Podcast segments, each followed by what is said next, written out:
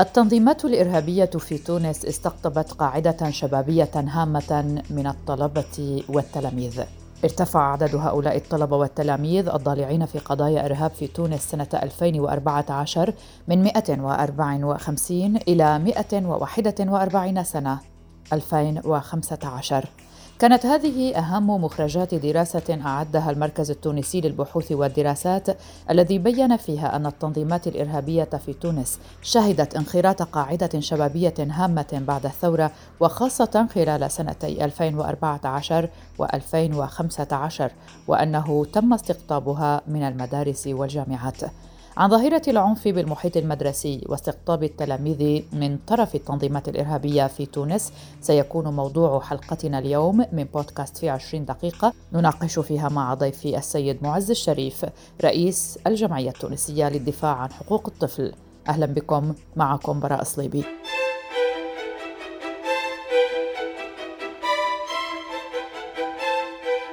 شهدت العشرية الأخيرة نموا ملحوظا في ظاهرة العنف بالمحيط المدرسي واستقطابا للتلاميذ من طرف التنظيمات الإرهابية وشبكات المخدرات إلى جانب الاستغلال الاقتصادي، حيث كشفت دراسة حديثة النقاب عن أن التنظيمات الإرهابية في تونس تمكنت من استقطاب قاعدة شبابية هامة من الطلبة والتلاميذ بعد الثورة التي عرفتها البلاد في عام 2011 وخاصة خلال 2014 و 2015 كما ذكرنا. وبحسب هذه الدراسة التي أعدها المنتدى التونسي للحقوق الاقتصادية والاجتماعية وبالتعاون مع النقابة الوطنية للصحفيين التونسيين والمركز التونسي للبحوث والدراسات حول الإرهاب تم تقديم نتائجها خلال مؤتمر صحفي عقد أواخر الشهر المنقضي بتونس العاصمة فإن التنظيمات الإرهابية استطاعت استقطاب تلك الفئات من المدارس والمعاهد والجامعات والكليات. وأوضحت الدراسة أن عدد الطلاب والتلاميذ الذين تورطوا في قضايا إرهابية ارتفع من 154 شخصا سنة 2014 إلى 241 شخصا في عام 2015 وقال رضا الرداوي نائب رئيس المركز التونسي للبحوث والدراسات حول الإرهاب خلال المؤتمر الصحفي قال إن الدراسة شملت عينة تتكون من 560 تلميذا وطالبا 48 منهم من الإناث و512 من الذكور.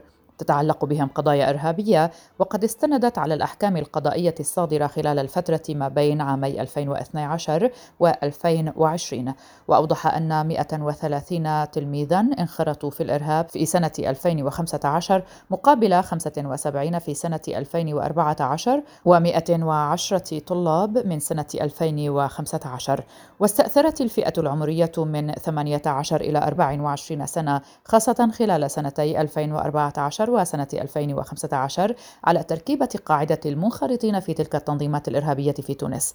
واعتبر الرداوي أن الأرقام التي تشير إلى انخراط الطلبة والتلاميذ في التنظيمات الإرهابية تدل على تغلغل الإرهاب. في المؤسسات التربوية والجامعية لافتا في الوقت نفسه إلى ما وصفه بغياب سياسات واضحة في الرصد المبكر والمتابعة وانهيار منظومة الإحاطة الاجتماعية والنفسية داخل الجامعات والمدارس. وأضاف أن العنصر النسائي بدأ منذ سنة 2013 في تونس بالتأثير على المشهد والحضور بعد أن كان دوره في السابق يتركز على المساعدة اللوجستية حيث تم تسجيل مشاركة بعض النساء في العمليات الانتحارية وقيادة التنظيمات والتسفير نحو بؤر التوتر بما يعرف بجهاد النكاح في تنظيم داعش الذي ظهر في يونيو حزيران 2014 منير حسين عضو الهيئة المديرة للمنتدى التونسي للحقوق الاقتصادية والاجتماعية وخلال المؤتمر الصحفي قال إن للمنظومة التربوية دورا في دفع التلاميذ والطلبة إلى تبني الفكر الإرهابي نتيجة هشاشة التكوين والممارسات التعليمية التي تتسم بغياب الجانب النقدي. الأمر الذي جعل من التلاميذ والطلبة فريسة للتنظيمات الإرهابية على حد تعبيره. وأضاف أن السياسات المتبعة منذ الثورة والعفو التشريعي العام ساهم بدرجة كبيرة في نشر الفكر المتطرف معتبرا في الوقت ذاته أن هناك عوامل أخرى تعد من أسباب الانخراط في الشبكات الإرهابية منها الفقر والهشاشة الاجتماعية وشهدت تونس منذ عام 2011 وحتى عام 2017 موجة من العمليات الإرهابية الخطيرة تخللتها عمليات اغتيال سياسي ذهب ضحيتها المعارضان اليساريان شكري بلعيد في السادس من فبراير شباط من عام 2013 ومحمد الإبراهيمي في الخامس والعشرين من يوليو تموز من نفس العام.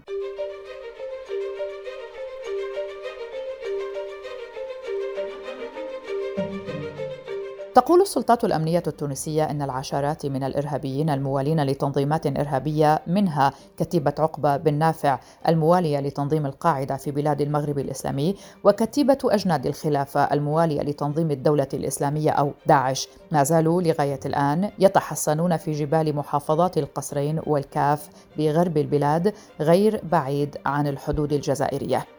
وقد نفذت تلك التنظيمات عديدا من العمليات الإرهابية أودت بحياة العشرات من الأمنيين والعسكريين والسياح الأجانب في أماكن متفرقة من التراب التونسي. ضيفنا في حلقة اليوم السيد معز الشريف رئيس الجمعية التونسية للدفاع عن حقوق الطفل سالناه لماذا اعتمدت البحوث في هذه الدراسة على هذه الفئة العمرية بالتحديد؟ بالنسبة للفئة العمرية المستهدفة للأطفال. القانون التونسي ينص على أنه مقاضاة الأطفال تبدأ من عمر 13 سنة ولا يمكن تحميل مسؤولية جزائية أو قضائية للأطفال دون 13 سنة. لذلك اهتمت هذه الاستمارة بالأطفال اللي ما فوق ال 13 سنة وهما في أغلب الأحيان الأطفال اللي تردوا على الإعداديات وعلى المؤسسات التربوية كالمعاهد وإلا التكوين المهني. هذا فيما يخص الفئة العمرية المستهدفة بهذه الاستمارة. سألنا ضيفنا أيضا ماذا عن طرق استقطاب التلاميذ والطلبة من طرف الإرهابيين ولماذا التلاميذ بصفة خاصة؟ فيما يخص طرق الاستقطاب فهي ممنهجة وتتجه إلى آه، عدد كبير من الأطفال ثم يقع الاستهداف يتم استدراجهم شيئا فشيئا إلى التطرف سواء كان التطرف الإيديولوجي أو إلى السلوكات العنيفة فالاستقطاب متاعهم سواء في المؤسسات التربوية هي بيدها أو في ما يحوم حول الفضاءات التي تحوم حول المؤسسات التربوية من طرف يا إما المكونين نفسهم وإلا من طرف الأقران. عدد كبير من الأقران اللي يشاركوا في الاستقطاب هم من فئة عمرية أكبر من الأطفال المستهدفين. ففي عديد الأحيان هم الكبار اللي يستقطبوا أطفال أصغر منهم. ويكونوا كبار هذوما مقتنعين بالأفكار اللي يبثوا فيها وهم وقع الاستقطاب متاعهم في المؤسسات التربوية وإلا في الجوامع بعد ما وقع استهدافهم عبر اجتماعات وخطب من طرف الشباب في فضاء يحوم حول المؤسسات التربوية. تفاقم المقاهي وقاعات الشاي حول المؤسسات التربوية ومؤسسات الإنترنت. أين يوجد الأطفال دون أي آه، رقابة؟ تمكن من الاستقطاب متاعهم عبر شبكة الإنترنت كذلك. فهناك حراك مهم ومهم جدا عبر الشبكة العنكبوتية لاستهداف الأطفال والتمكن من هؤلاء الذين ينضمون إلى الأفكار المتطرفة واستعمالهم فيما بعد لاستقطاب غيرهم من الأطفال. إذا ما هي الحلول الممكنة والقابلة تطبيقها على أرض الواقع؟ سألنا ذلك أيضا ضيفنا السيد معز الشريف لنستمع. مكافحة هذه الظاهرة ما يمكن تكون إلا في برنامج متعدد المكونات فأولا إقحام المواد الثقافية والرياضية والحوار مع كل الأطفال حتى نملأ أوقات الفراغ متاعهم ويكون استقطابهم إلى برامج التكوينية والتثقيفية والتربوية التي تتماشى مع أولا الشعور بالانتماء وثانيا تمكينهم من المشاركة في كل المشاريع سواء كانت الثقافية أو الرياضية أو المهنية اللي تتماشى مع الواقع الاجتماعي والاقتصادي متاعهم حتى لا يشعر أي طفل بالعزلة وبعدم الانتماء وبالتهميش. آه، ثانيا خلايا الإنصات داخل المؤسسات التربوية مهمة ومهمة جدا حتى تمكن من معرفة الأطفال الذين ينحازون إلى التطرف الفكري وإلا إلى السلوكات العنيفة مبكرا لوضع برامج لإعادة التأهيل متاعهم لأنه إذا كان بالتقصي المبكر فما إمكانية بوسائل آه، بسيطة لإعادة تأهيل الأطفال فهو يصعب جدا بعد التأهيل والتكوين الإيديولوجي في التطرف وفي العنف يصعب إعادة تأهيل هؤلاء الأطفال وذلك يتطلب إمكانيات كبيرة وكبيرة جدا. فأحسن الأسلوب هو الوقاية وكذلك دور العائلة دور مهم جدا لأنه في أغلبية الأحيان فما تغير في السلوك اليافعين واليافعات داخل العائلة فما عزلة فما نقص في المشاركة في كل الأعمال العائلية والحفلات واللقاءات العائلية. وفما نقص في الحوار داخل العائلة ما يلزمش نقبلوا بالعزلة نتاع الأطفال والتغيير في السلوكات نتاعهم. بعض الأحيان آه، فما تغير حتى في اللباس نتاع الأطفال وفي المأكولات نتاعهم وفي كل السلوكات اليومية اللي هي لازم تكون نقوص خطر عند العائلة لكن اللي لاحظناه أني ما فماش وسائل وآليات اللي تتركز عليها العائلة لما ما تقدرش هي بنفسها على مواجهة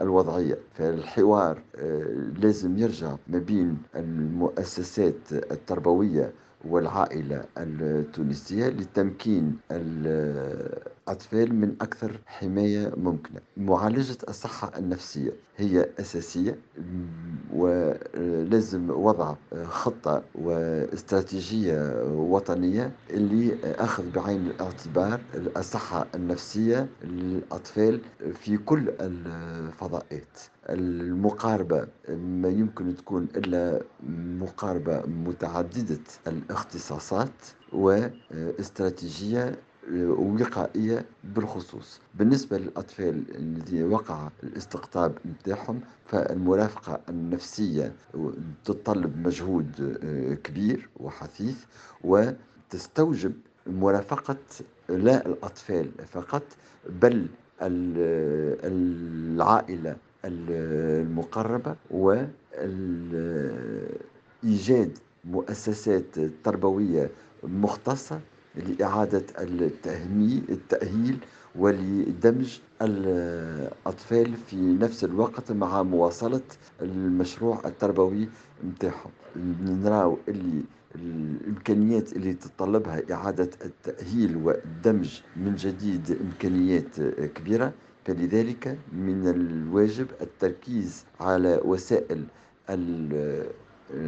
الوقاية اللي هي تعطي جدوى أكبر للتصدي لهذه الظاهرة.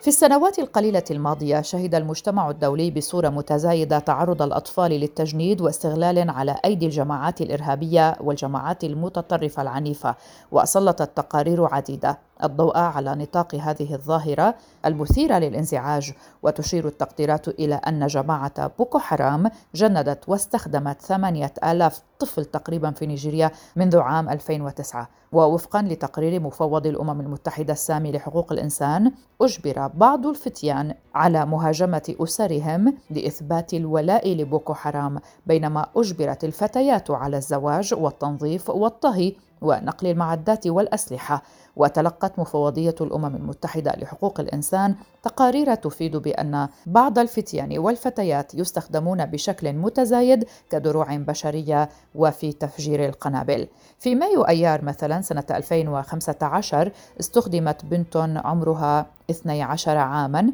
لتفجير قنبلة بمحطة حافلات في داماتورو بولاية يوبي ما أسفر عن مقتل سبعة أشخاص وأبلغ عن حدوث وقائع مماثلة في الكاميرون والنيجر وفي عام 2015 وحده تحققت الأمم المتحدة من 274 حالة تتعلق بأطفال جندهم تنظيم داعش في سوريا.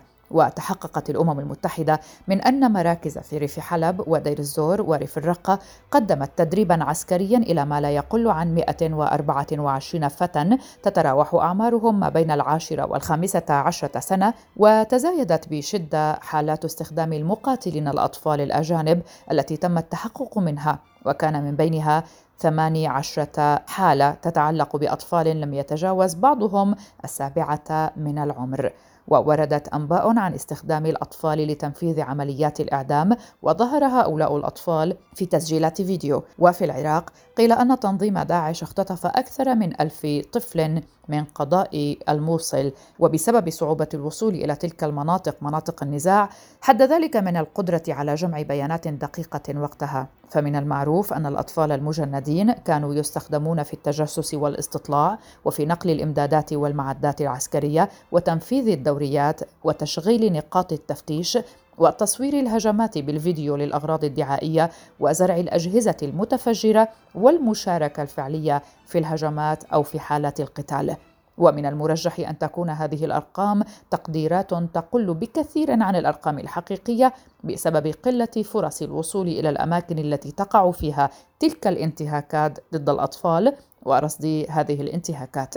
ويجند الأطفال أيضا من قبل حركة الشباب في كينيا والصومال وحركة التوحيد والجهاد في غرب إفريقيا وحركة أنصار الدين وتنظيم القاعدة أيضا في بلاد المغرب الإسلامي وفي مالي والبلدان المجاورة وجماعة أبي سياف في الفلبين على سبيل المثال لا الحصر بالنظر إلى اتساع النطاق الذي تصل إليه أيدي الجماعات الإرهابية والجماعات المتطرفة العنيفة ونطاق دعايتها لا يقتصر تجنيد الأطفال اطلاقا على المناطق المنكوبة بالنزاعات فهناك أعداد متزايدة من الأطفال الذين يرحلون من دول اقامتهم إلى المناطق التي تسيطر عليها الجماعات الإرهابية والجماعات المتطرفة العنيفة بغية الانضمام إليها.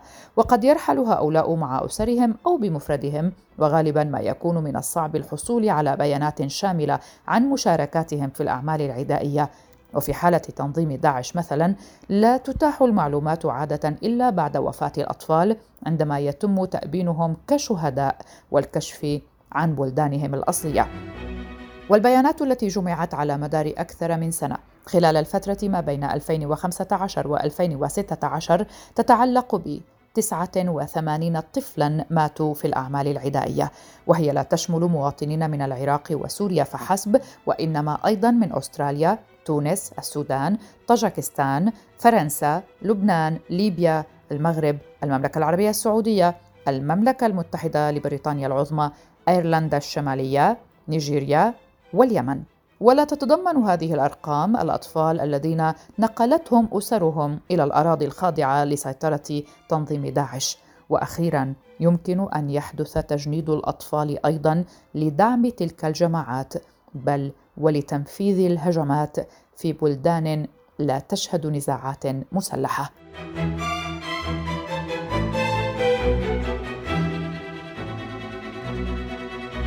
انتهت حلقة اليوم من بودكاست في 20 دقيقة. شكرا لكم لطيب الاستماع. كنت معكم براء صليبي. إلى اللقاء.